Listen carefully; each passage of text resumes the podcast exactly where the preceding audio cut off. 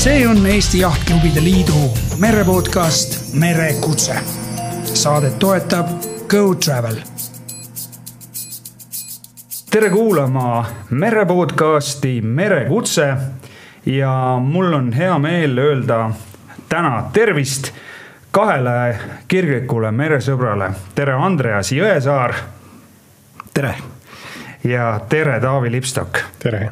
tänase saate pealkiri on Mis teha siis, kui asjad lähevad äh, untsu, pekki, on jama ja kuidas sellest välja tulla. ma saan aru, et teil mõlemal on sellega kogemusi olemas. ikka no jaa, oo oh jaa aga igal juhul selline oli siis sihuke väike isu tekitaja. see saade on ellu kutsutud Eesti Jahtklubide Liidu poolt ja meile annab hoogu Go Travel ja mina olen saatejuht Kaider Kahar, aga enne veel, kui hakkame lahti harutama seda korralikku sasipundart. Andreas, kuidas sina esimest korda mere äärde purje alla lainete vahele sattusid? ja no mere ääres ma olen sündinud, et, et ma olen sihuke kolmanda põlve tallinlane, aga, aga purje alla esmakordselt ma vist ütleks, et, et tõesti alles siis, kui ma põhimõtteliselt, see oli üheksa aastat tagasi, kui minu kallile kaasale tuli, tuli mõte, et ta tahaks purjetada ja, ja noh, tema idee oli tegelikult, et ta tahaks sellist nagu liikuvat suvilat saada. Ja, ja noh, mina ei, alguses sellest mõttest väga vedu ei võtnud, et mul ei ole mingeid ambitsioone olnud nagu purjetamise merega seoses väga, et, et äh, ujuma õppisin ka alles niimoodi, laps õpetas ja, ja, ja, ja, ja äh, väga nagu noh, ei, ei võtnud vedu ja tal äh, jah, see on sihuke, ütleme küllalt pikk lugu, aga ma katsun seda, seda nagu lühemalt äh, kokku võtta, et, et äh, ütleme nii, et, et me käisime ühte purjekat, mida ta töökaaslased müüsid Saaremaal vaatamas. Noh, ma palusin, et noh, sõidame Abrukale, siis on vähemalt oleme kuskil käinud, tulime sealt tagasi. Ja noh, sinna ta jäi, kuni siis järgmisel kevadel teatas siis kaasa, et kuule, ma ostsin selle purjeka ära ja noh, sealt siis äh, see algas, et, et äh, kõige selle esimesel reisil ka mina ausalt öeldes kaasas ei olnud, et kus see purjekas siis Saaremaalt ära toodi. et sinna pandi sihuke pädev meeskond kokku, olid seal mitmed merepäästjad ja, ja noh, ühesõnaga oli valmistunud ka selleks, et kui asjad lähevad pekki, siis siis, siis oleksid asjad korras ja, ja, ja minu jaoks jah, sain alles hiljem sinna, sinna purjede alla siis, äh, kui me tegime siis Tallinnast Kaberneeme selle purjeka viimise etapi ja noh, see minu jaoks alguses algas seal okseralliga ja, ja kõige muuga ja ma arvasin, et see ei ole endiselt hea mõte. aga noh, siin ma nüüd olen ja, ja see haigus on mul, on küljes olnud jah, nüüd praeguseks siis kaheksas hooaeg käib ja, ja see on mu lemmikhobi hetkel aitäh, et sa jagasid. Taavi, kuidas sinul on äh, see esimene lugu? Äh, minu esimene lugu on kuskilt sellest ajast, kui ma olin kas kolmteist, neliteist kuskil sinnapoole, minu vanaisa, kes on käinud äh, aastaid Haapsalus oma erinevaid paadikesi leotamas, siis mingi hetk ostis meeltesegaduses optimisti kellegi käest ja siis käidi seda Meremõisa seal rannas, kus Lohusalu kandis, seal, kus nüüd RMK plats on, käidi seda seal nagu kord suve jooksul leotamas, sest kõik tehnika, mis olid vanaisal ette nähtud, et kõik peab vähemalt kord aastas välja võtma, kokku panema, ära proovinud, ikka töötab, siis paned kappi tagasi, kõik on jälle hästi. ja siis optimisti sisse pandi mind esimest korda purje alla, et et, et ja päris enda jah, purjekas sai ka vist nüüd kas kaheksa või üheksa aastat tagasi kaugelt Rootsimaalt toodud. Nii et äh, üllataval kombel meie kõigi äh, kolme see mereajalugu on umbes ühepikkune, minul on, äh, Facebook ütles mulle umbes üksteist aastat on see, nii et ma alustasin gramm enne teid välja arvatud siis sinu lapse seiklus seal optimistiga. et meil kõigil on midagi, millest siin rääkida. sind Taavi, ma tean seoses legendiga betoonlaevast, ehk siis ma olen kuulnud ühest betoonlaevast, mis Tallinnas on, et see pidi olema jube merekindel ja laineid hästi võtma. räägi natuke oma laevast, millega sa täna sõidad ja mis jurakas see on, kui ma nii võin öelda? see jurakas on selline jah, natuke võib-olla ebaharilik, tegelikult ta ei ole legend, ta on päriselt olemas, et legendiks ta ehk muutub kunagi, aga, aga betoonist purjekas umbes kolmteist meetrit pikk kui pukspriidi ka sinna otsa paneme, saame nii umbes viisteist. kaks masti on peal puust mastid ja kere on kuni tekini tehtud betoonist. et, et me ta nüüd tänaseks peast ütlen, et umbes neli aastat tagasi Rootsis tõime Äh, suhteliselt õnnetus seisus, aga, aga olles siis sel hetkel neli aastat noorem entusiasmi täis, et ei, ei, ei ole hullu midagi, seda remonti on ju. siis, siis tegelikult lõppes sellega, et vanast on alles jäänud sisuliselt kere ja sõuvõll, kõik muu on, tuli põhimõtteliselt mingi hetk kogu kajutilae kõik lõikasime maha ja, ja selles mõttes, kes on paadiehitust nagu teinud, siis see on umbes nagu maja ehitus, aga palju keerulisem, sest ühtegi kandilist asja ei ole ja, ja selles mõttes on ta, jah, ta on niisugune natuke omapärane, ta on pika kiiluga, ta on raske, ta ei manööverda hästi.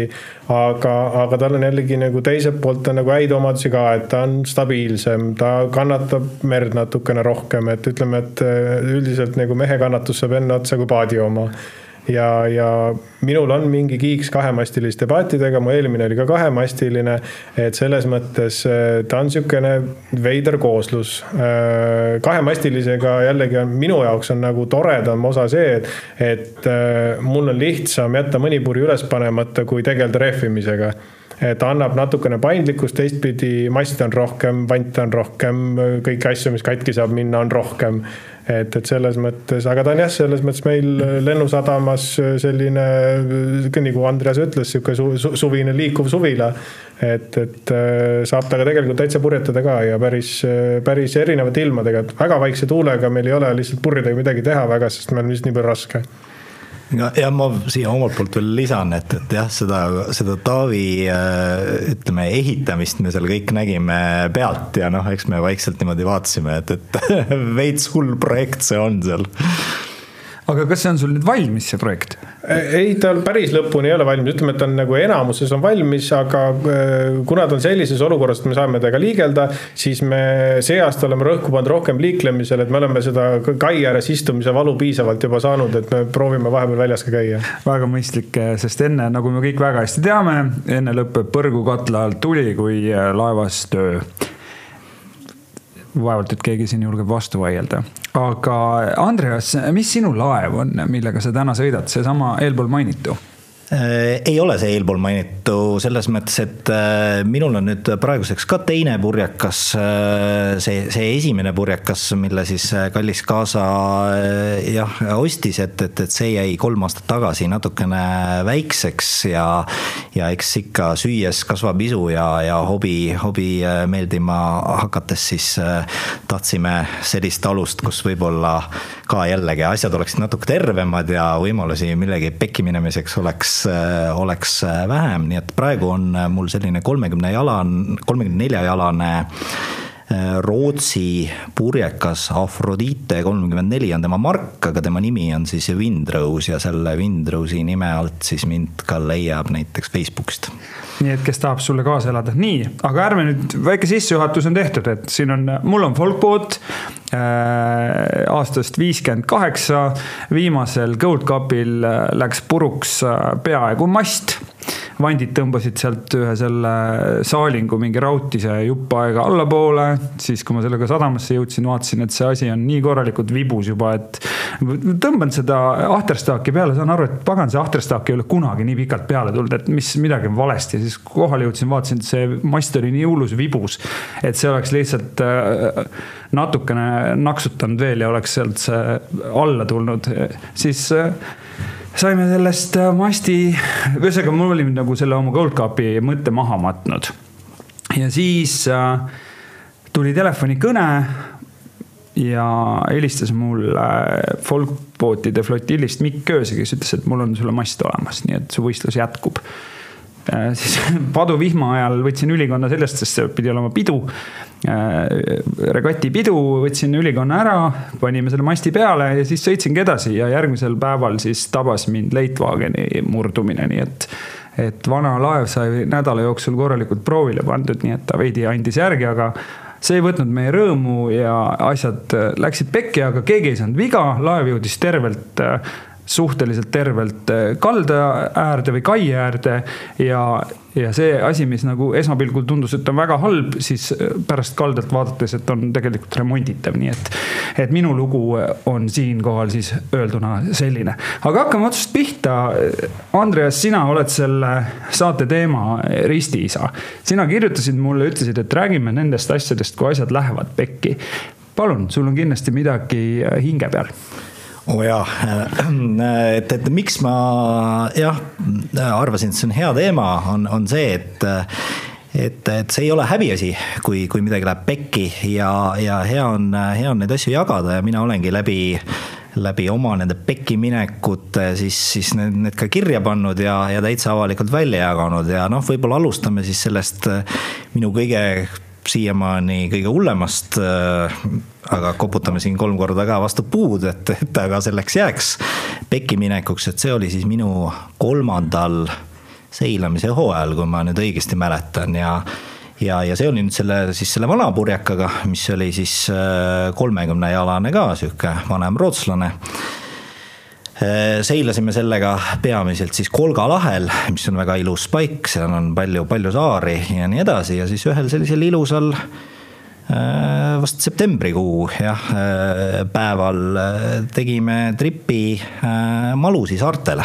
et, et kes pole seal kandis käinud, soovitan, seal näeb hülgeid näiteks ja nii edasi. Ja, ja noh, läksin merele mina ja, ja neli naisterahvast, kellest siis äh, kaks vist olid elus esimest korda üldse äh, mere peal ja Malusitel oli plaan äh, maale minna kummipaadiga, aga, aga selleks hetkeks oli siis tuul oli juba päris palju tõusnud, et, et see üritus jäi ära.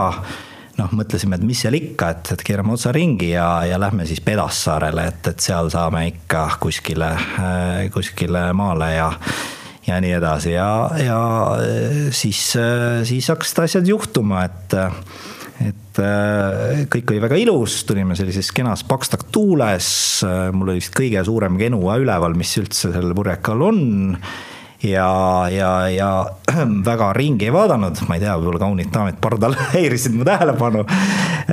ja, ja kui siis ühel hetkel siis üks nendest nagu hüüatas, et tuleb peale. Ja noh, ega sealt äh, rohkem ei olnudki, kui, kui tuli päris nagu massiivne pagi tuli peale, seda pilve ma tõesti tähele ei olnud pannud. äh, noh, siis me hakkasime nagu lappama vasakule ja paremale ja, ja tõmbasime seal külje ikka vett ja naised ka kiljusid ja, ja, ja rüüpasime, rüüpasime vett Äh, tollel purjekal siis äh, purjed alla käisid ikkagi mastist. Äh, siis ma panin ühe nendest naisterahvastest rooli ja ise, ise läksin siis purje alla võtma. Noh, nüüd võib-olla siit ütleks, et tänases päevas oleks võinud selle pagiga kaasa minna, et see on nüüd üks õppetund, mis sealt sai, mitte üritada talle vastu võidelda ja, ja nii edasi. aga no tollel hetkel sai siis selline, selline otsus tehtud. Läksin purje alla võtma ja noh, oli selge, et, et, et tema oma oskuste juures ei suuda keerata seda purjekat vastu tuld, et ma selle purje alla saaksin. tulin tagasi kokpiti, panin mootori käima, panin käigu sisse, aga jäi vaatamata, et üks ots äh, oli üle parda. Ehk et vall oli siis äh, läinud üle parda. noh, siis oli nuga, äh, lõige, nii edasi, purje saime alla. Selleks korraks oli nii-öelda suurem möll oli üle, aga, aga siis kuidagi tundus, et purjeks ei liigu nagu mingis suunas, et, et see pane, pane see käiku palju tahad, aga kuhugi me ei liigu siis ma tegin vist esimese kõne sellel hetkel äh, merepäästesse, äh, see ei olnud küll Mayday, vaid Pan-Pan, äh, et, et noh, me tuleme kuidagi omal jõul, et tõmbame kroodi ülesse ja, ja triivime sinna Kaberneme poole tagasi ja, ja äkki saaks puksiirabi, ühesõnaga. Ähm, ja siis, siis läks vist veel mõnda aega mööda, kui, kui üks nendest reisijatest siis heitis pilgu kajutisse ja küsis, et kas seal peabki vett olema noh, ma arvasin, et võib-olla mõni laine käis jah, sealt nagu kajuti uksest sisse ja, ja et see oli see, see tagajärg, aga, aga läksin, läksin alla vaatama tõstsin mootorikatte eest ära ja noh, kui sealt siis Niagara tuli mulle piltlikult öeldes jalgade peale, siis, siis oli selge, et, et midagi on kuskil äh, tuksis korralikumalt äh,. siis äh, tegin juba, juba äh, Mayday kõne ja ja, ja noh, siis samal ajal eks siis hakkas tagajärgede likvideerimine, sest ega mere peal sa ju äh, ikkagi oled, oled omapäi nii, nii kaua, kui sa oled ja, ja pead tegema kõik endast võimalikku. Äh, noh, kühveldasime seal pangedega vett välja, sest automaatne pilsipump ei jaksanud enam äh, ja nii edasi ja, ja noh, mida ma siis ise kahtlustasin, oli see, et, et äh, ju ma sain äh, selle otsa sõuvõlli ümber ja ta tõmbas mul sõuvõlli äh, välja koos siis sõukruviga ma tegin paar konsulteerivat telefonikõnet selle, selle olukorra ajal. samal ajal siis muidugi julgustades kõiki pardalolijaid, et me tõesti ei upu. et, et me, me tuleme sellest välja ja küll see purjekas püsib. see selline väga nagu noh, psühholoogi töö ühest küljest ja, ja, ja, ja teisest küljest siis jah, koordineerimine, et, et mis me nüüd teha saame, et, et see kõik võttis seal, võttis seal oma aja. Äh, aga aga, aga jah, et seda, seda keegi ei uskunud, et, et, et nüüd see sõuvõll sealt välja tulnud on, aga noh, vett tuli, tuli sisse korralikult tuli pidevalt ja noh, siis lõpuks ega, mis seal oli, et, et noh, päästjad jõudsid kohale tuli ka, tulid vabatahtlikud päästjad, tuli PPA tuli appi, äh, siis saime orgunnida niimoodi, et reisijad said seal ühe paadi peal, et nemad said kaldale maha üks tubli, äh, tubli naisterahvas otsustas, et tema teeb seda seiklust kaasa, tahtis jääda pardale edasi. ma olen talle siiamaani väga tänulik, aitäh, Inge ja, ja, ja siis, siis me puksiiris nihkusime siis vaikselt nagu sadama poole, noh samal ajal ma siis helistasin ka oma, oma kaasale jälle ja noh, ma ei tea, mis, mis tunne teda võis vallata, aga et, et kui sai kõne, et et ähm, noh, me võtame vett sisse ja et ole hea, telli kraana. Äh, oli pühapäev, eks ole. aga ta võttis seda väga, väga, väga nagu rahulikult ja, ja tõesti, et kui me sadamasse jõudsime, siis, siis seal oli kraana olemas, sai, saime jahi kohe siis veest välja tõstetud ja noh, jah, tõesti, sõuvõll oli, oli kadunud. no nii, võtame selle case'i nüüd äh, tükkideks. mida oleks saanud teha, et see asi poleks juhtunud? Noh, kõigepealt äh, jah, eks ma seda lugu äh, analüüsisin palju ise omas peas ja, ja kui mul tavaliselt uni on öösel rahulik, siis vot see on nüüd üks väheseid kordi elus, kus ma tõesti praktiliselt öö läbi pea käis nagu raal, et, et, et mis ja kus ja mismoodi. et noh, võib-olla kõige algusest pihta hakates, et silmad tuleb lahti hoida, et ikkagi ümbrusel pilvedel äh, silm peal hoida, et, et kui on ikkagi äikesepilv näha, siis, siis peaks äh, tegutsema. et see oli esimene asi, noh, teine asi on see, et enne mootori käivitamist vaata, et sul midagi vees ei oleks, eriti kui enne on, on mingi pagi üle käinud ja, ja, ja me oleme seal, seal erinevaid pöördeid läbi teinud. kuidas sellega on, et mine kaasa pagiga, ära võitle temaga, mine tormiga kaasa? on sul olnud äh, kokkupuudet sellega? ikka selles mõttes, et kui sul unustad natukese palju purje peale, ega sul ei ole mõtet rammida vastatuult, sa võid märksa suurema purjega minna, sõida alla tuult, isegi kui sa tund aega vales suunas lähed, palju parem on et kui sa unustad, noh, vana hea tarkus selle rehvimise koha peal, minu jaoks on rehvimine uus asi, et Volkboardil ei ole teadupärast mingit rehvimist, on ju.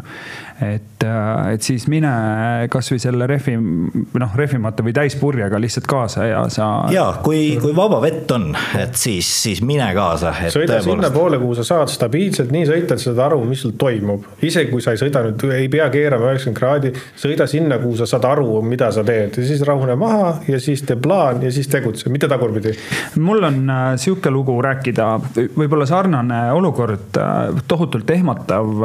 me tulime Hollandist äh, ühe Vene Firstiga kuu aega tagasi ja oli Põhjameri esimene öö, pime sõit, mina olin vahis automaatrool oli peal, tõstis tuult või noh, me ei saanud aru täpselt, kui, kui palju see automaatrool noh, hea on selles olus. aga tundus, et toimib, on ju, järsku üks ilge pauk nagu täiega, täiega pauk, ma röögatasin, et hals on ju, viskas halssi meil selle.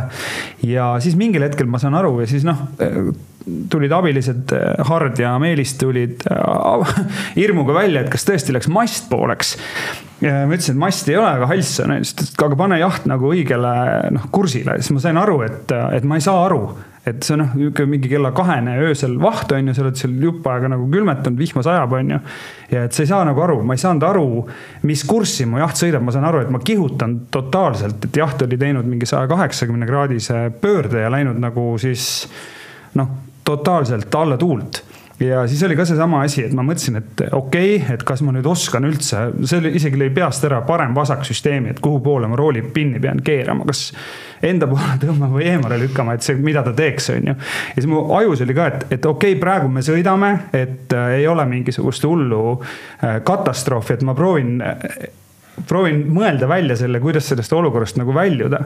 ja siis, kui ma olen aru saanud, kuhu poole ma sõidan, et siis ma teen vaikselt selle manöövri ja tulen kursile tagasi, et siis ma ei tea, järelikult ma tegin siis nagu vähemalt teie soovituse järgi nagu õige käigu, kuigi see oli nagu, pilt oli nii sassis, et nagu oli no eks seal on jah see, et, et, et mis ma veel oma loole ka lisaksin, et, et noh, rahulikuks jäämine ikkagi, et, et see, et, et kui, kui keegi läheb paanikasse ja noh, mul tõesti äh, üks reisijatest, no ta oli šokis.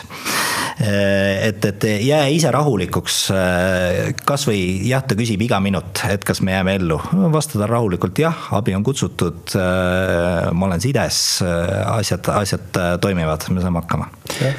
kuidas sellega on, selle hädakutsungitega, et millal sina laeva vastutava isikuna siis otsustad, et nüüd on see hetk?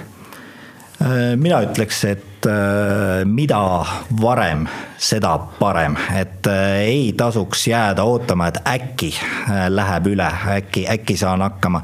tee see kõne ära, sa saad selle hädakutsugi alati katkestada. maha võtta, eks ju. et olukord on muutunud, ei ole enam Mayday, nüüd on siis, ma ei tea. Pan-Pan. Pan-Pan on ju ja siis Pan-Panist on ju veel, ma ei tea no Securite on lihtsalt, eks ole, nii-öelda teadaanne, eks ole. et, et põhimõtteliselt äh, soovid sa äh, Taavi visata lauale mõne oma läbielamise, mida me saaksime siin üheskoos lahti võtta? Mm, ja ikka nii, nii enda kui teiste omast, et me meie Andresega ennist siin enne saadet rääkisime, et selles mõttes, ega meie paadi toomine oli ka, sealt saaks ka ühe saate jagu juttu aga, aga meil oli ka sihuke, et meie paati tooma minnes viieteist tonnisel paadil oli taga kahekümne hobusene päramootor. ja noh, äärmiselt aladimensioneeritud, aga noh, ütleme, et sileda Rootsi vee peal töötab küll aga kui sa hakkad paati tooma sügiskuul, kui sajab vihma, pime on ja sa pead Rootsi kanalist nagu, tuul on silmaauku ja sa pead selle mootoriga sealt välja saama ja laine üles kerib, siis noh, kes on päramootoriga purjekaga sõitnud, teab, et see mootor on kas vee all või vee peal. aga edasilükkamisega palju ei tegele. Ja kui sul kui me siis sealt sõitsime niimoodi, et seal kanali otsa peal mingi hetk mootor käis korra veest välja, tegi ään ja siis tegi plumm ja siis oli vaikus ja sa sõidad äh, võõras kohas, võõra paadiga pimedas, ütleme, et nagu liiga palju töötavaid seadmeid ei ole. siis, äh, siis selles mõttes sellises olukorras hea meeskond ja rahulik meel on nagu, nagu kõvasti kasuks, et meil olid kaasas äh, Brit ja Viljar Tulit Äh, üks, üks mu teine hea sõber veel, kes on minuga kõvasti purjetanud ja siis äh, täiesti rahuliku tegutsemise, keerad otsa ringi, tõmbad purje peale. Äh, sel ajal, kui kaks tükki purjetavad rahulikult, siis kaks ülejäänut otsivad selle koha, kuhu me nagu siis lähme, et selles mõttes, et öö on ja vihma sajab, aga paat tuleks kuskile seisma panna ja tegime plaani stabiilseks, sõitsime rahulikult äh, Fokaga, kuhugi kiiret ei ole. mina läksin vahepeal ahtrisse, sain mootori käima ja siis oli meil vaja äh, ühte nagu laguunikesse sisse pugeda. no ütleme, et öösel on ka kõik asjad on palju hirmsamad minu arust, kui nad valges on ja pidime pugema sisse ühte laguunikesse, no esimesel katsel tundus, no, no kõik on nii hirmus, näitad prožektoriga kivi peal, no sihuke tunne, et kivi astub kohe tuppa. no esimene katse ei õnnestunud, tuul kandis kuidagi nina ära ka ja siis teisel katsel Brit oli parajasti roolis ja Viljar eest ka karjub, et kurat, vist ei mahu. Brit ütles, et mina arvan, et siit, siit vist mahub ja igatahes me sinna sisse ära pressisime ja, ja ankrul ennast saime. ja siis, siis kui hommikul valgeks läks siis äh, öösel istusime ka ankruvahi vahis ja kõik asjad, et no ikkagi noh, kurat äkki hakkab triivima, tegelikult ei hakanud midagi, sihuke mudane põhi oli, et sa oleks võinud ükskõik mis asja sinna vette visata, ikka hoidis kinni. Hommikul, kui valgeks läks, see sissesõit oli suur nagu kuradi Tallinki laevaga oleks võinud sisse sõita, aga öösel tundus kõik nii kole ja paha, et kuhu midagi sisse ei mahu ja. et selles mõttes äh, jah, saavad asjad pekki minna, aga nende lahendamine on, noh, sa pead selles olukorras enda teadmiste ja oskuste ja meeskonna võimekuse järgi nagu tegema selle otsuse ja lahenduse ja nii nagu Andres ütles, et noh, mida varem sa helistad, seda lihtsam selle kangelase mängimise eest sulle keegi auhinda ei anna. nii eh, laevade toomisega on, nii palju, kui ma olen inimestega suhelnud, siis kõik need on alati omapärased lood ehk siis seal alati on äh, see lugu, äh, noh, minu laeva toomine oli sama lugu, et, et me käisime seda vaatamas, me proovisime, me võtsime endale noh, meeskond oli nii hea, kui ma suutsin sellel hetkel komplekteerida, on ju, Hart Berk, Meelis Aus, Otto Saamäel Kahar, mu poiss, on ju, ja mina. et noh, see oli parim seltskond, kelle ma usaldan, kellega ma olen sõitnud merd, keda ma tean, et oskavad äh, asju parandada, oskavad jääda rahulikuks, oskavad toimetada. ehk siis äh,, aga ikkagi asjad lähevad, et sa teed selle ülevaatuse, sa vaatad kõik ära, sa võtad kaasa, noh, minu üks selline üks selline hea soovitus, mida Hard ütles, et et ma küsin, mida, ja siis ta saatis mulle nimekirja ja see tundus esmapilgul nagu üsna nagu arusaamatu, on ju. et noh, mingi lehtvõtmeid, et ärge võtke tellitavad, võtke lehtvõtmeid, nii palju kui saate, mingid kindlad numbrid, neliteist, kaksteist, kümme. kolmteist. kolmteist. väga vajalik. siis, siis äh, visake mingeid polte, mingeid kruvisid, visake akutrell, kui on, võtke puur suvalisi juhtmejuppe. Äh, seda, seda ei olnud ja seda oli vaja. Sest et äh, ja lõpuks jõudis see asi sinnani, et enamus neist asjadest äh, läks käiku, me puurisime ühe väikse augukese kohe. Siis seesama lehtvõtmete komplekt lisaks sellele tellitavale võtmele, mis on paks, vahe on selles, et lehtvõti on õhuke, mahub mootorisse sinna paremini vahele kui paks tellitav võti. et kuidas et neid asju läks vaja ja seesama mingi Bolt, et meil läks, äh, tuli masti küljest ära äh, poomi, ühesõnaga poom tuli masti küljest lahti ja ka mingisuguse väikse pagiga on ju, või noh, ta sai neid lakse seal võib-olla seesama hals seal Põhjamerel on ju. et siis äh, see üks mingi mööblipolt või mingisugune asi tegi selle töö ära, et meil oli võimalik nagu tulla Tallinnasse lõpuks, et ta oli küll jubedalt kõver ja kui me ta ära vahetasime, siis me saime seal napilt selle kätte, on ju. ta oli deformeerunud, aga ta tegi selle töö ära, et kui mul ei oleks seda jurakat tulnud noh, siis oleks pidanud mingi muu asjaga remontima hakkama, et et kuidas teha nii, et, et see, need paatide äratoomised oleks nagu õnneliku lõpuga, kuigi meie lugu oli tegelikult väga õnnelik, sellepärast et midagi fataalset põhimõtteliselt ei juhtunud no eks selles mõttes natukene ilmselt tuleb ka tõdeda asjaolu, et me toome Rootsist üldjuhul tugevasti second-hand paate. täna järjest tuuakse küll uuemaid, aga ega uuemate paatide mured on sarnased, sest ega ei müüda paati alati sellepärast, et ta on maailma kõige paremas korras, kõik on väga hästi läbi mõeldud, läbi üle vooldatud ja kõike muud et selles mõttes tulebki läbi mõelda, noh, see nagu, mis siis juhtub, et sul on plaan olemas, et ongi, et okei okay,, üldjuhul ei kuku poom küljest ära. aga just see, et kui sul mõni juhtmejupp lahti tuleb või, või kuskilt mingi lühis on. ütleme, et minu praktika ütleb, et vanemate paatide elektrisüsteemis on tavaliselt ikkagi mingisugune vigur on ikkagi sees, et noh. nihuke elementaarne, tester ja lehtvõtmed ja veel mõned asjad, et eh, nad võiks olla kaasas mõni asi rohkem kui vähegi noh, ütleme, et oleneb, millega sa lähed, kuidas sa lähed. et mõni asi võiks olla rohkem ja no ütleme, et need tööriistad, mida sa oskad kasutada. sul ei ole mõtet võtta hambapuuri kaasa, kui sa hambaid seal puurida ei oska, et see, see ei anna sulle väga palju juurde et lõpptulemina tegelikult nii nagu ka meie purjeka toomine ja paljud muud purjeka toomised minu arust näitavad ka seda, et tegelikult kui vähe on selleks vaja, et sa saaksid tegelikult suhteliselt okeilt koju purjetada see, et sul ei ole radarit või ei näita sul iga jumala koha peal vee sügavust, vee temperatuuri, see koju jõudmist tegelikult ei, väga palju ei mõjuta, et sul tegelikult on vaja need paar lappi riiet seal üleval oleks ja see alumiiniumtoigas enamus paatidel nagu püsti püsib Tallinna, nii et, et kõike muud noh, kõik muud on üldjuhul lahendatavad, isegi kui sa selle mootori mingil põhjusel kas käima ei saa või mingi muu mure on, siis kui sa oled juba vaba vee peal, siis üldjuhul ütleme, et kui sul ikka mast püsti on ja nagu noh tõesti ainult idatuult ei rammi, siis sa tuled sealt Rootsist ilusti koju ära, kui vaja, tule natukese ringiga või tule, tule jällegi ilm ja trajektoor, võta arvesse oma võimete, oma paadi järgi, mitte selle järgi, mis sa telekas näinud oled, et Volvo mehed ju sõidavad ka vot jah, ma siit koha pealt vast äh, lisakski selle, et, et äh, minu paadi toomise või selle Windrowsi toomise lugu on selles mõttes võib-olla erandlik, et meil tõesti ei läinud selle teekonna peal midagi pekki, ma tõin selle ära oma abikaasa ja, ja tema täiskasvanud tütrega.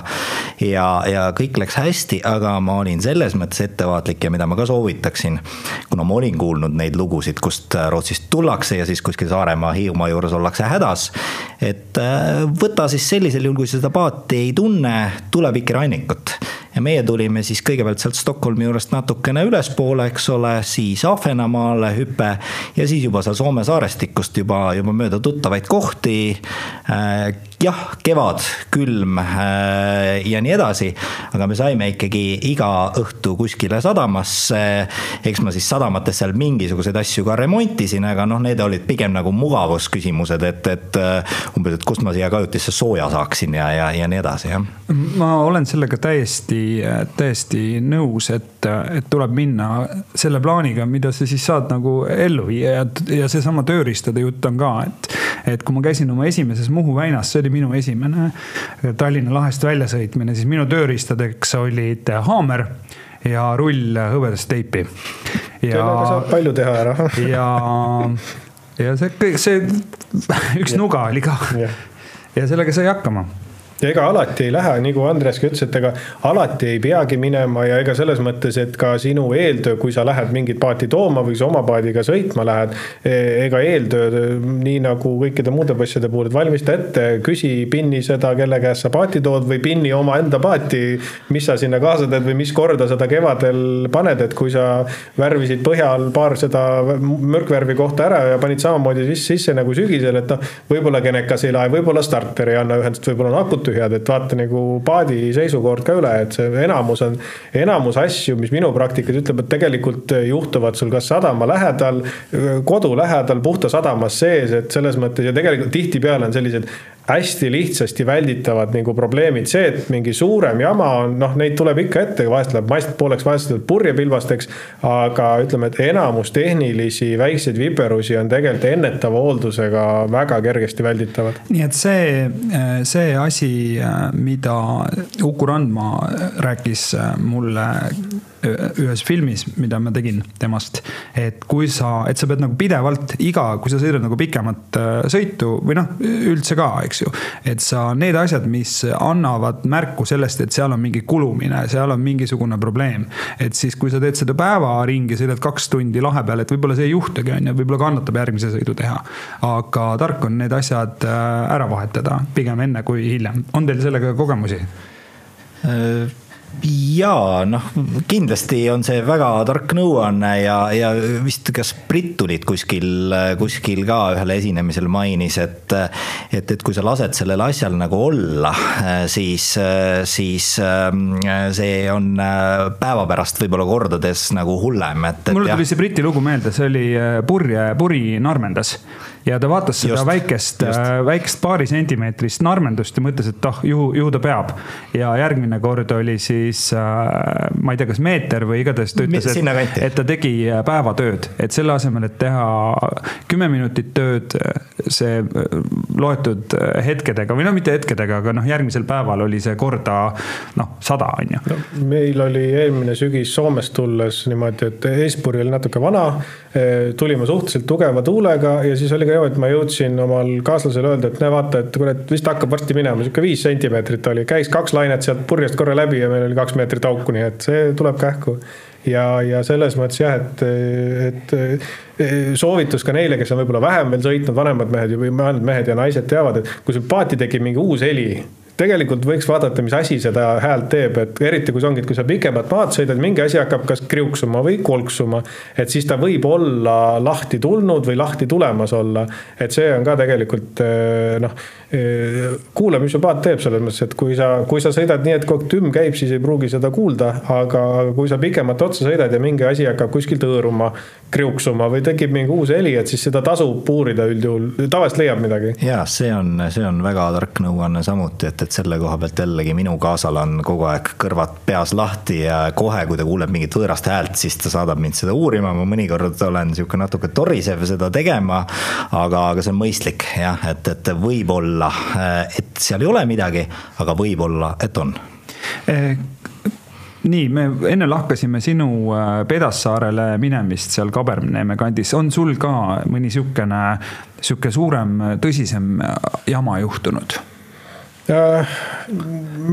Enamus on sellised nagu oma rumalused tegelikult, et äh, kuna me oleme suurema osa aja suvest ka nagu lennusadamas, siis ma olen ka näinud teiste nagu siukseid asju, et nagu ma enne ka ütlesin, et siis paljud asjad on oma lohakus, kes jätab tankimata, kellel on mõni Kingston kuskil lahti, et et mul paar suve tagasi oli, oli üks selles mõttes, et sadamas sees vaatan, et kai peal sellised, ütleme, tänavariides puhta sihuke pintsakuga mehed jooksevad mingi paadi peal ringi, lobivad ämbritega vett, et ei tundu nagu oleks koristajad.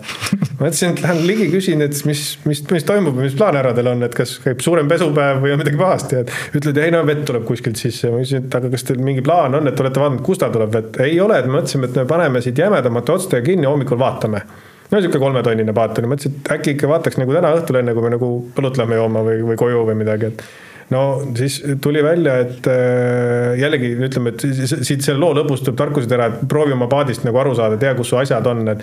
ma ütlesin, et hakkame siis nagu eest tahapoole tulema, et kuskilt peab ikkagi vett sisse tulema, kui teil nagu põlvest saati on kajutisvesi, et nagu väga hästi see ei ole üldiselt ja, ja selles mõttes, et ta küsis, kas sa tead, kus su Kingstonid on, kõik läbi viigud, hakkame eest järjest tulema, tõstame padjad üles ja kuskilt peab see vesi tulema, et see ei ole sihuke, et luugist tilgub.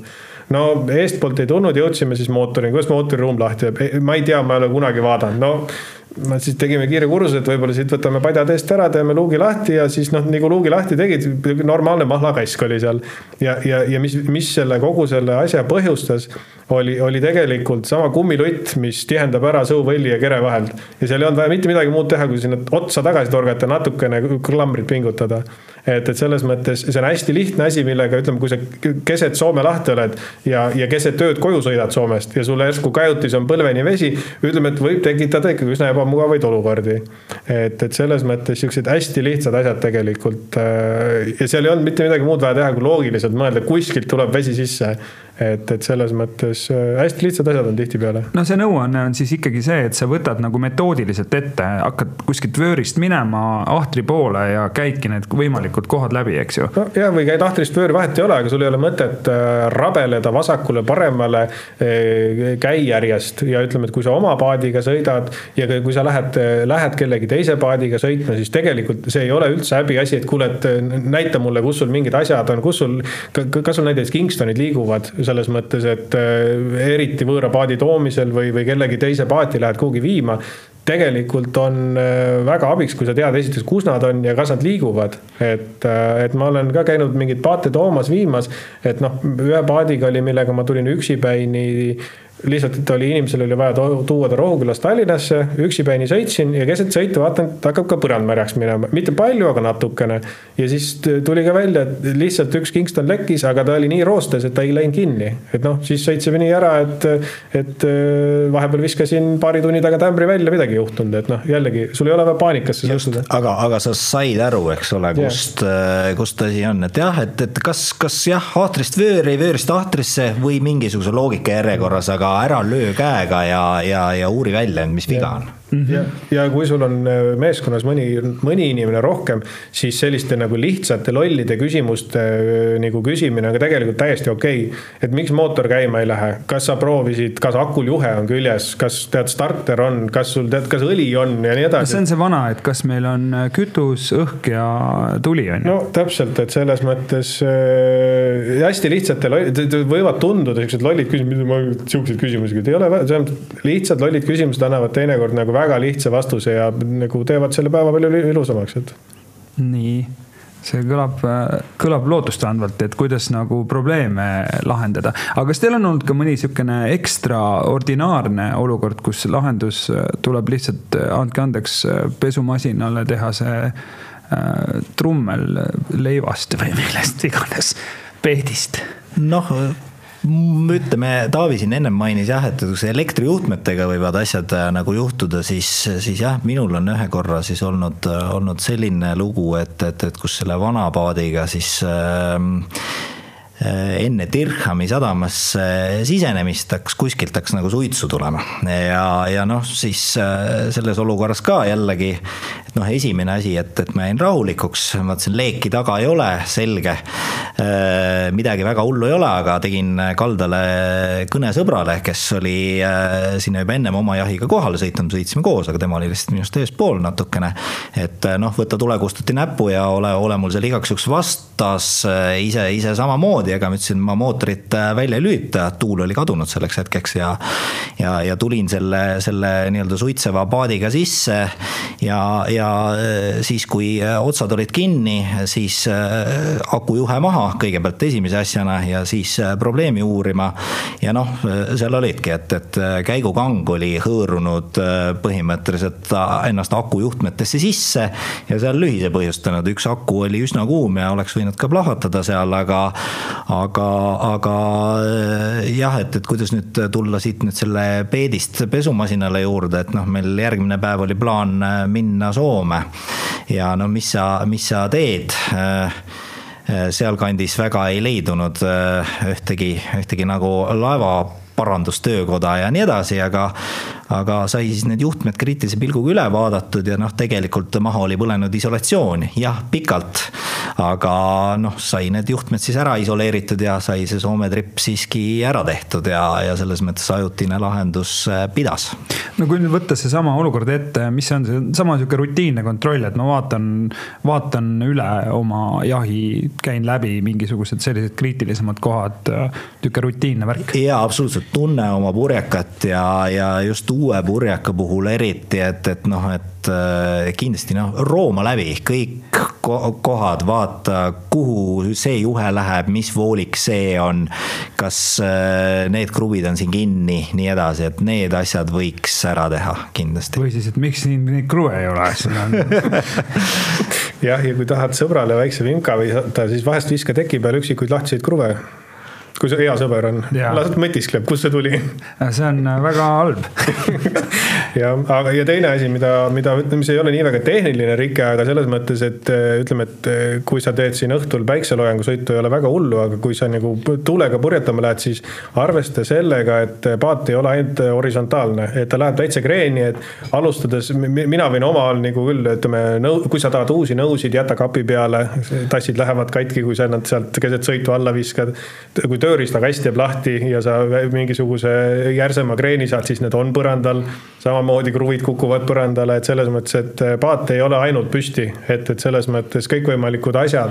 ka tehnoruumis ma olen ka jätnud, teed mingisugust tööd seal paadis, õhtul tahad sõitma minna.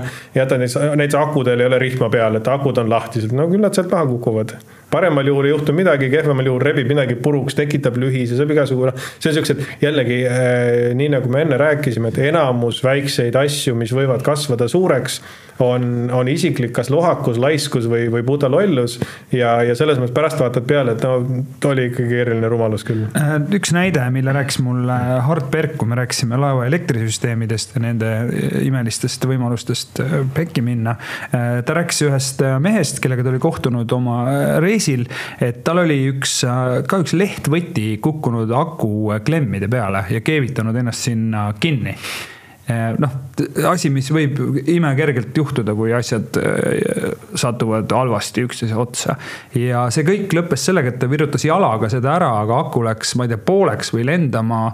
tekkis tohutu noh, mingisugune plahvatus ja hingamiskahjustus meeletu sellele inimesele, et, et noh, et ei juhtu ju midagi. aga tegelikult peaks ikkagi see nagu noh, kui sa hoiad enda keskkonna korras, siis neid võimalusi, et midagi juhtub, on oluliselt vähem kindlasti jah, see selles mõttes ongi jah, et saab akudega juhtuda, kütusega saab igasugu asju saab juhtuda, et see jah, kui sa kõik, kõik see jutt, mis me eelnevalt oleme ka rääkinud, et kui su asjad on kinni pandud ja ja su lehtvõtmed ei lenda akuklemmide peal nagu paljalt ringi, et, et siis on täitsa lootust nagu tervena koju saada või merele saada. aga saab juhtuda ka kuival maal, et, et üks lugu siis, mis mul on päris värske, on siis seotud nüüd selle Windrowsiga ja, ja see möödunud talv siis juhtus juhtus minul selline purjetaja nii-öelda õudusunenägu, et minu paat kukkus talvel tormihiilides ümber.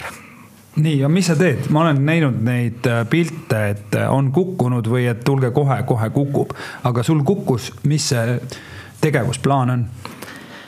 See tegevusplaan oli, oli selline, et muidugi väga raske oli, oli hommikul seda kõnet saada, et, et tule sadamasse, et su paat on ümber, aga noh, sinna ma muidugi siis läksin ja, ja sai siis äh, olukord ära hinnatud. noh, kõigepealt oli väga äh, positiivne see, et, äh, et keegi inimene ei saanud viga, et, et see juhtus varahommikul ja, ja paat kukkus ka nii-öelda Stapelplatsil sissepoole, mitte väljapoole, kus sealt siiski inimesed mööda käivad Lennusadamas. aga, aga noh, edasi oli, oli siis see, et, et noh, selgus, et selle ümberkukkumise käigus jah, üks, üks nendest ähm, äh, kiilploki käppadest oli läbi kere läinud, nii et mul oli seal keres kenakene auk aga, aga noh, eks seal esimene, esimene tegevus oli siis ikkagi äh, nii-öelda paat püsti saada, et, et äh, vähendada nüüd edasisi kahjustusi ja nii edasi. ja selle koha pealt jah, meie, meie sadama kapten Lauri Väinsalu on, on äärmiselt äh, vastutulelik ja, ja abistab alati selliste juhtumite puhul ja, ja saime tellitud kraana jahi püsti. Ja, ja noh, siis, siis sealt, sealt sai siis edasi mõelda, et, et mis, mis nüüd edasi saab ja sinu paati kukkus veel tegelikult selles mõttes nagu üsna õnnelikult, et ta ei kõikunud kuskil, et ei, selles mõttes, et ajaline faktor, kui kähku sa püsti tõstad, seal ei oma väga palju nagu tähtsust, kui keegi seal all ei ole, midagi ei ole paindes, ei ole ohtu, et ta edasi liigub.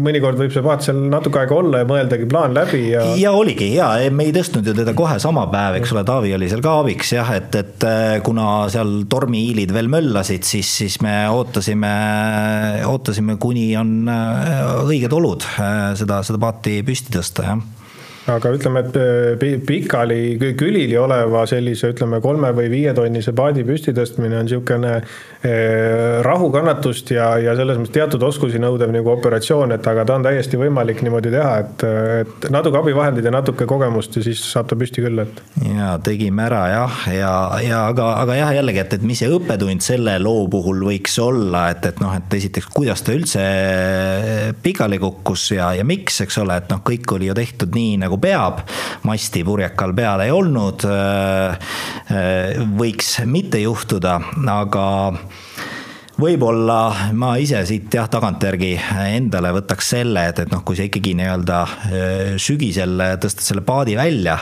ronid selle puki peale ja see paat kõigub sul koos selle pukiga, siis võiks mõelda, et, et kas on äkki halvasti paigutatud ta sinna või see pukk ei sobi. et jah, selle puki peal oli ta seisnud äh, küll Rootsis kümneid aastaid, aga kuskil mägede ja metsade vahel, kus tuul ei puhu, eks ole, aga, aga Tallinnas siin äh, lageda kalda pealse peal võib-olla see pukk ei olnud see, mis, mis teda oleks hoidnud, aga, aga, aga jah, ja teine, teine aspekt kindlustus, et mind päästis kindlustus nii et äh, õppetund siis esimese selle poole juurde, et kui mingi asi tundub kahtlane, siis äh, see tihtipeale ka on kahtlane, et tasub nagu pöörata tähelepanu sellele. Äh, kuidas te suhtute mere siis nagu inimeste turvalisusesse, ma eeldan, et teil on ka kõrged standardid nagu igal endast lugupidaval purjetajal. on teil mingisugune abc selles osas, niisugune isiklik asi, mida te jälgite, kui te välja sõidate?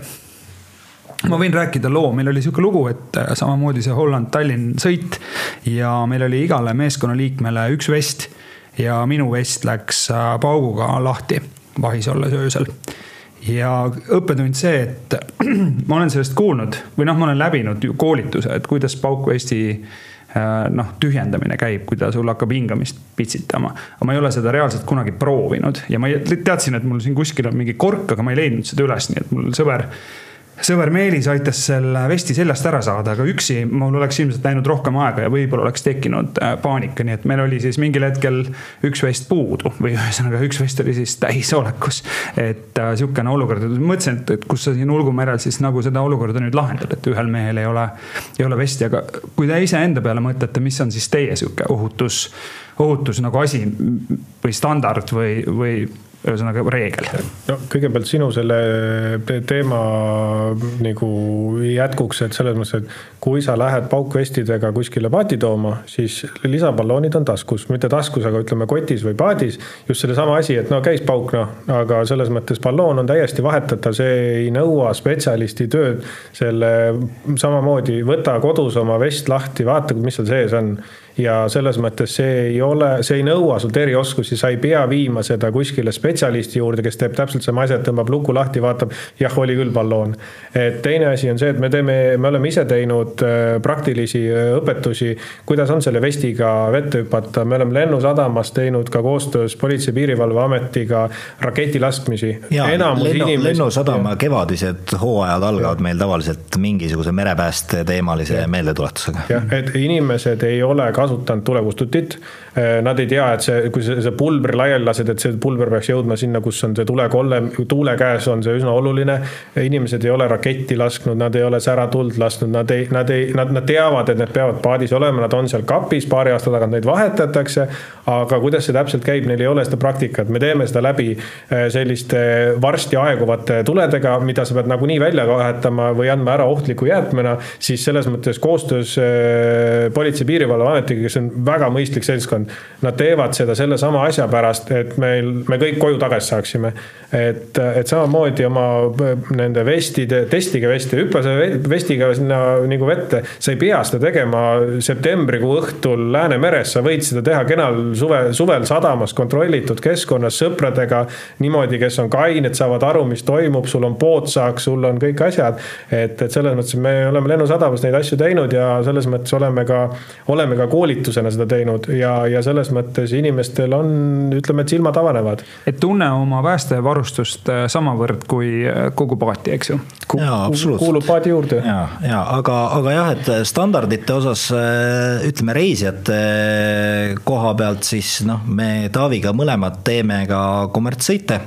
mis tähendab seda, et, et meil on nii ehk naa kõrgendatud nõudmised, ülevaatused, eks ole, paatidel iga, iga kahe aasta tagant. Ja, ja noh, näiteks, mis mina reisijatega alati läbi võtan enne merele minekut, käime läbi ikkagi elementaarsed asjad. et äh, paadi peal liikudes üks käsi on laeva jaoks, eks ole. Äh, ka olen läbi võtnud täpselt, et mismoodi see päästevest töötab. mida see punane nublakas seal vesti küljes teeb, eks ole, et, et kui ta nüüd sul vees ei peaks automaatselt avanema, siis sa võid seda tõmmata.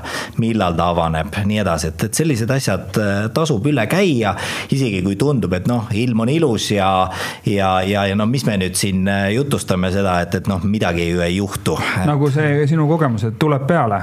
Absoluutselt tuleb, tuleb kiirelt. ja ta tuleb kiirelt ja, ja meil noh, võib-olla Andres ei jõudnud mainida, aga meil näiteks on nii, et me lastele paneme alati vesti selga. ja absoluutselt, see on, see on reegel. täiskasvanutega on vastavalt ilmale, kõik saavad, kes tahavad, kõigil on, kes, kes, kes tahab. et täiskasvanutega vaikse ilma, kui ta istub mul kokpitis, siis äh, vastavalt olukorrale, ilmale, tema käitumisele, kõigele muule, alati saab kelle, kellelegi keelata ja lastel on alati, minul on endal ka alati vest seljas. Äh, jääb ära lastega vaidlus, miks sul ei ole mm. -hmm. sest mina ju käsksin tal vesti selga panna, hea lihtne on öelda, mul on vest seljas, pole mingit küsimust. jäävad vaidlused palju vähemaks ja. ja samamoodi tunne oma varustust, oli, otsi endale sihuke vest, mis on sulle mugav, mis ei lase sul, ei takista su laevatöösid ja, ja, ja, ja naudi seda, eks. väga, täna saab väga ägedaid, väga mugavaid, vastavalt rahakotile, võimekusele, hakkavad väga mõistlikust kohast. esimene viis, kuuskümmend eurot esimese lihtsa paukvesti vestidest, mis ei ole võib-olla kõige ägedam, kõige mugavam, aga ta teeb selle töö vastavalt oludele, kellele automaatne, kellele manuaalne, kellele, kellel peab kapuuts olema, osadel on jopes sees, kõigile maitsetele leidub kallist, odavast, igalt poolt, kes tahab, käib korkvestiga korkvest töötab alati, soe on ka sügisel, mul on paar tuttavat, kes kui sõitmas käivad, tahavad kork, täitsa tavalist oranži vesti. saad ühe kihi riideid vähem panna. põhimõtteliselt, et selles mõttes ja alati töötab. ei ole seda, et kuskilt kaela pealt pitsitab või, või balloon tühi on, et, et ja, ja üks hea, hea vana lugu, sest samast tegime ükskord ühte koolitust, samamoodi hüppasime, hüppasid erinevad järjest vestidega vette. vest ei avanenud no hea küll, ütled, tõmba siis lahti ja puu täis, on ju. see oli kliendi enda vest, et tõmbas lahti, balloon kukkus plups vette. ei olnud kontrollinud selles mõttes, et balloon oli lihtsalt ennast sealt pesast välja keeranud. aga noh, ütleme situatsioon on see, et vest, vest ei täitu, oled vees et oma vesti võiks tunda selles mõttes, et eh, ma ütlen, et ballooni vahetus, elementaarne kontroll, et sa tead, sul kas takjas või lukk, millega see käib, et sul see on korras ja, ja kui vest saab vanaks, läks, läks hallitama, no vahetada ära, see on sinu elukindlustus. kõige odavam, kõige lihtsam samm, et sul ei ole, ükskõik kui äge su paat on selles mõttes, aga ilma kapteni või, või, või kapteni abita, siis on üsna kehva paat on, kui sa seal Läänemeres oled jah, surra on üsna nagu loll. jah, vara. ja vara ka, kes siis purjetab, kui väärtpurjetajad lolluse tõttu surevad. lollusest võiks muidugi rääkida omaette saatesarja teha. et lolluse vastu, ma ei tea, on mingi vaktsiin olemas või? et ärge, ärge teie olge lollid, meie kuulajad. õppige teiste viga, aga, aga kas on mingid, olete te oma siis Äh, kogemustele tuginedes on mõni hea materjal, mida, mida näiteks veel lisaks lugeda, et noh, me kõik oleme lugenud ju neid, me loeme Facebooki, me loeme seda purjetajate community't või seda seltskonda, me vaatame oma paadiklassi sarnaseid paate, et. aga on mõni sihuke hea asi, mida teie vaatate just sellesama nagu äh, mereohutuse ja, ja murede lahendamise vaatevinklist või on teie enda lood, sina ütlesid, Andreas, et sinu lood on kirjas, et siis ja, tasuks Facebookist üles otsida. jah, purjetamise grupis mina olen neid lugusid jaganud ja ka oma Windrowsi kodulehel ja, ja just nagu ma veel enne ütlesin, et, et noh, neid ei tasu häbeneda, neid äh, asju kirja panna. ja küll jah, kui ma seda kõige esimest äh, merepääste lugu kunagi kirja panin, siis ma käis ka peast läbi, et aga noh, ma teen ju sõite ja kas mul pärast kliente tuleb ja nii edasi. ei vastupidi, mul on mitmed kliendid öelnud, et nad on seda lugu lugenud. Nad teavad, et ma olen äh, merehädas olnud, ma olen sealt välja tulnud, kõik tulid tervelt ja õnnelikuna nii-öelda kaldale tagasi. Äh, järelikult on äh, julge minuga minna ja, ja, ja, ja on sadamas niisama ka õlale patsutatud ja öeldud, et lahe lugu. Nii et igal juhul siis tasub oma lugusid jagada, tasub vahetada mõtteid ja õppida pigem teiste vigadest, kui neid ise teha kindlasti. kõiki vigu ei pea ise uuesti läbi tegema, võib, et äh, aga ei pea kuldsed sõnad, kui ma küsisin saate alguses, et mis on siis teie esimene merereis oli, mis, kuhu teid elu järgmiseks viib? Äh, Taavi? Äh, me lähme Kolga lahte mereranna restosse merd mööda matkajatest sõpradega sööma. lihtsalt lähme jahtidega ankrule ja lähme kummikatega kaldale ja lähme sööma see on juba jah, see nädalavahetus tuleb nädalavahetus. aga Andreas, sina? see ongi sama, sama, sama, sama. aga millal hooaja, hooajale joone alla tõmbate? Äh, võimalikult hilja, ehk et äh, noh, tegelikult äh, noh, ütle, ütleme nii, et jah, Eesti oludes ju praegu ilmad on läinud ju soojemaks ja saab sõita vabalt siin oktoobri lõpuni, novembri alguses ka kas betoonlaeva üldse peab välja võtma talveks? Äh, ei pea, ta on olnud meil ka talvel sees, aga me siin enne saadet Andresega rääkisime, et, et äh, muidu talvel ikka pead valvama otsasid ja vaatama, et ikka pilts oleks kuiv ja nii edasi, et vahepeal äkki saab puhata ja teeme vahepeal teisi asju, siis on kevadel hea jälle purjetamise juurde tagasi tulla. aitäh teile, härrased Andreas Jõesaar ja Taavi Lipstok, mina olen saatejuht Kaidar Kahar, see on Mere podcast merekutse, meile tuult puhub purjedesse Go Travel ja saate on ellu kutsunud Eesti Jahtklubide Liit. merel näeme